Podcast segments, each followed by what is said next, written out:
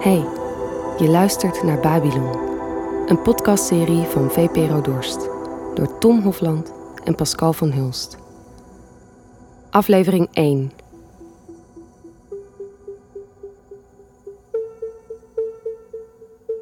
Toen ik klaar was met mijn studie journalistiek, toen dacht ik dat ik dan freelance journalist zou gaan worden. Ik zag ook overal om mij heen mensen die eerder waren afgestudeerd en daarbij lukte het ook allemaal. Waarom zou het mij niet lukken, weet je wel? Dus ik dacht eigenlijk, nou oké, ik heb maximaal een jaar nodig om echt aan de bak te komen. Dat komt helemaal goed.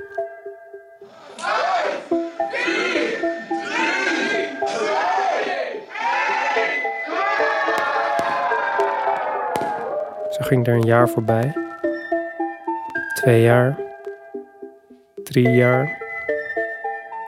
Vier jaar. Ik was niet vooruitgekomen. Je hebt een idee van je studeert en dan studeer je af en dan ga je werken. En als dit, dat werk niet komt, terwijl je... Niks zou je eigenlijk tegen moeten houden. Ik was toen zeven jaar samen met, met... We woonden ook samen. Ik was, nou ja, ik wil niet zeggen depressief, maar ik had nergens meer zin in. En ik zou op vakantie gaan. Zij had drie weken vrij. En uh, echt, ik denk drie dagen voordat we zouden gaan, zei ze: ik, uh, ik trek het niet. Je moet het zelf uitzoeken.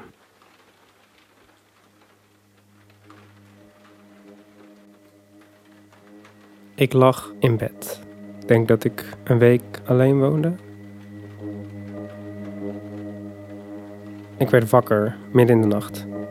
En ik kon mijn ogen niet open doen.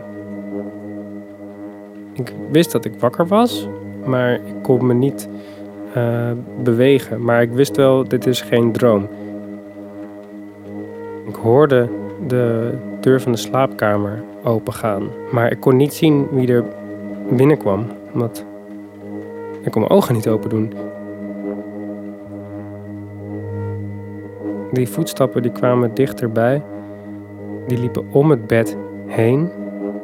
En mijn hart ging echt tekeer. En ik dacht, doe je ogen open, doe je ogen open, doe je ogen open. Maar er gebeurde niks. En toen voelde ik het deken omhoog gaan achter mij. En iemand in bed kruipen bij me.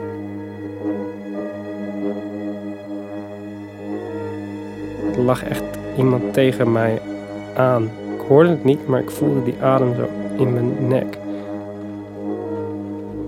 En toen blijkbaar had ik, was ik zo in paniek dat ik wakker werd en uh, mijn ogen open en ik keek achter me, maar er was natuurlijk niks. Er was niks. Ik was alleen in die kamer. Ik ben best wel nuchter, dus ik geloof niet echt in uh, geesten en zo, dat soort dingen. Dus ik dacht, ja, het zou wel stress zijn geweest of zo. Ik heb vooral geprobeerd er uh, niet te veel aan te denken. De volgende dag, toen dacht ik: oké, ik heb nog twee weken hier.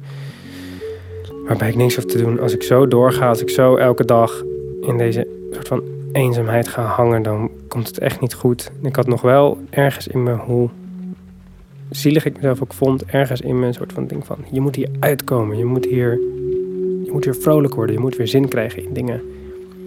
Ik dacht, wat doen mensen als ze weer zin moeten krijgen in dingen? Dan gaan ze, wat gaan ze doen? Ze gaan op reis. Heel cliché weer. Maar ik dacht, ik ga, ik ga, gewoon, op, ik ga gewoon op fucking vakantie in mijn eentje.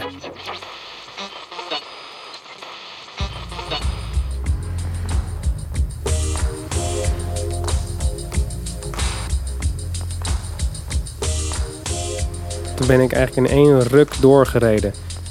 Ik had negen uur in de auto gezeten of zo, denk ik. Wel met pauzes, maar... En toen kwam ik aan in, uh, in Babylon. En het was net donker. Dus ik kwam de Duitse grens over. En ineens is alles heel anders. Ja, Tsjechisch, ja, dat kan je niet lezen. Dat taaltje, je snapt er helemaal niks van. Ik had een camping opgezocht en toen kwam ik daar s'avonds laat aan.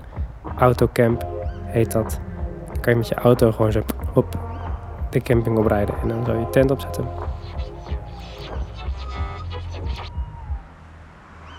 Er was een heel groot uh, stil meer met naaldbomen eromheen. En je had gewoon een groot veld waar omheen stonden wat huisjes die je kon huren. En in het midden kon je dan je auto parkeren en een tent neerzetten.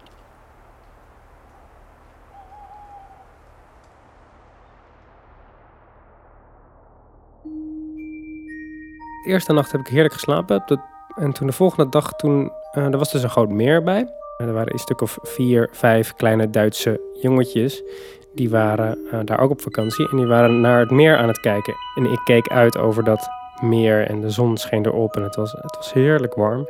En uh, aan de overkant van het meer, daar was een super pittoresk tussen de bomen, tussen de sparren, een soort van roze-groene villa. Die uh, jongetjes die zaten daar ook over dat huis, zaten ze te lullen. Dat verstond ik. Dus ik uh, zei van, uh, durven jullie naar de, de, in mijn beste Duits, darven jullie naar die Uberkant zwemmen?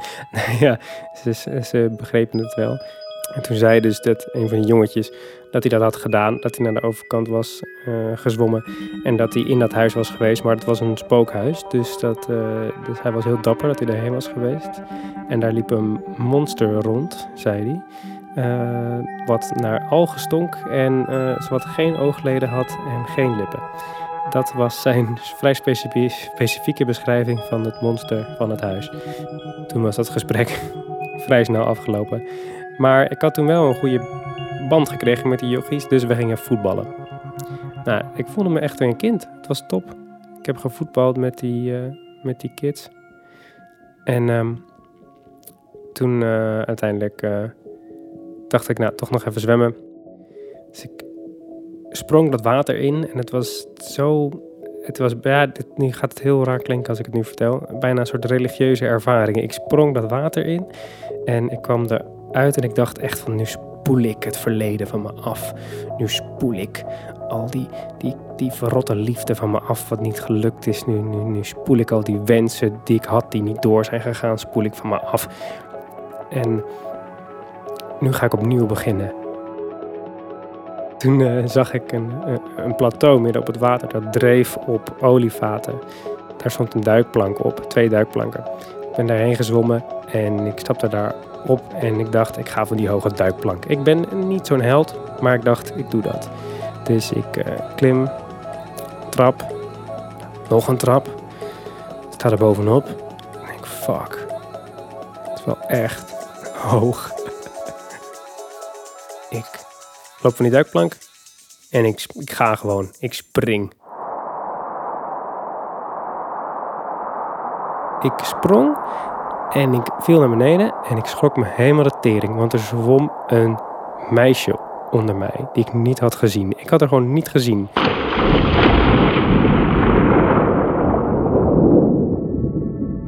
Ik kom naar boven, helemaal soort van half euforisch van die sprong, half in paniek. Omdat ik dacht dat ik een meisje door dood zou pletten. En toen hoorde ik, nou nou.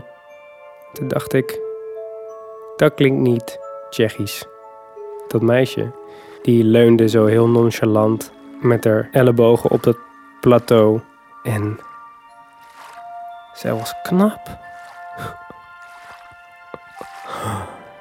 Oei, oei, oei.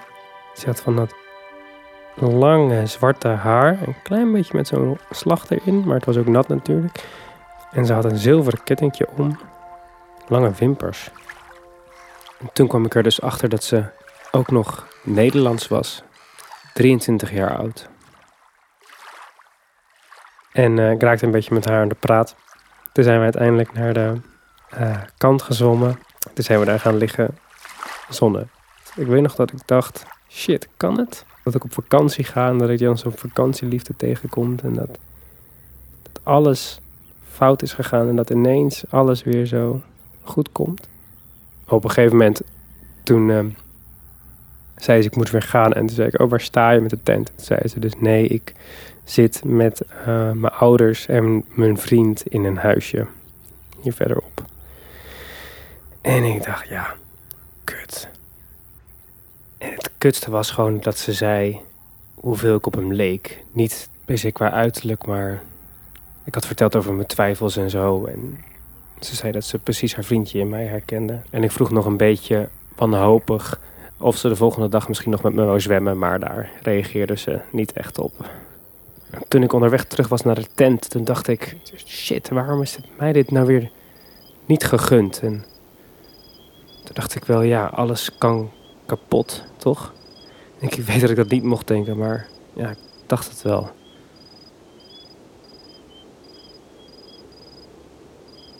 Die avond lag ik in mijn tent. En ik hoorde knisperend kampvuurtje verderop. Een uil ergens in de bomen. De wind die door het gras ging. Kletsende mensen in de verte. Ik ben denk ik wel in slaap gevallen. En toen, midden in de nacht, werd ik wakker. Ik kon mijn ogen niet open krijgen. Ik lag er in mijn slaapzak, in dat kleine tentje. En ik hoorde zo hoe de rits van de tent openging. Dat er iemand de tent inkroop. Ik hoorde het en ik voelde het, de tent bewoog. En diegene kwam weer achter mij liggen. En het stonk zo ontzettend. Lijke lucht gemengd met algen.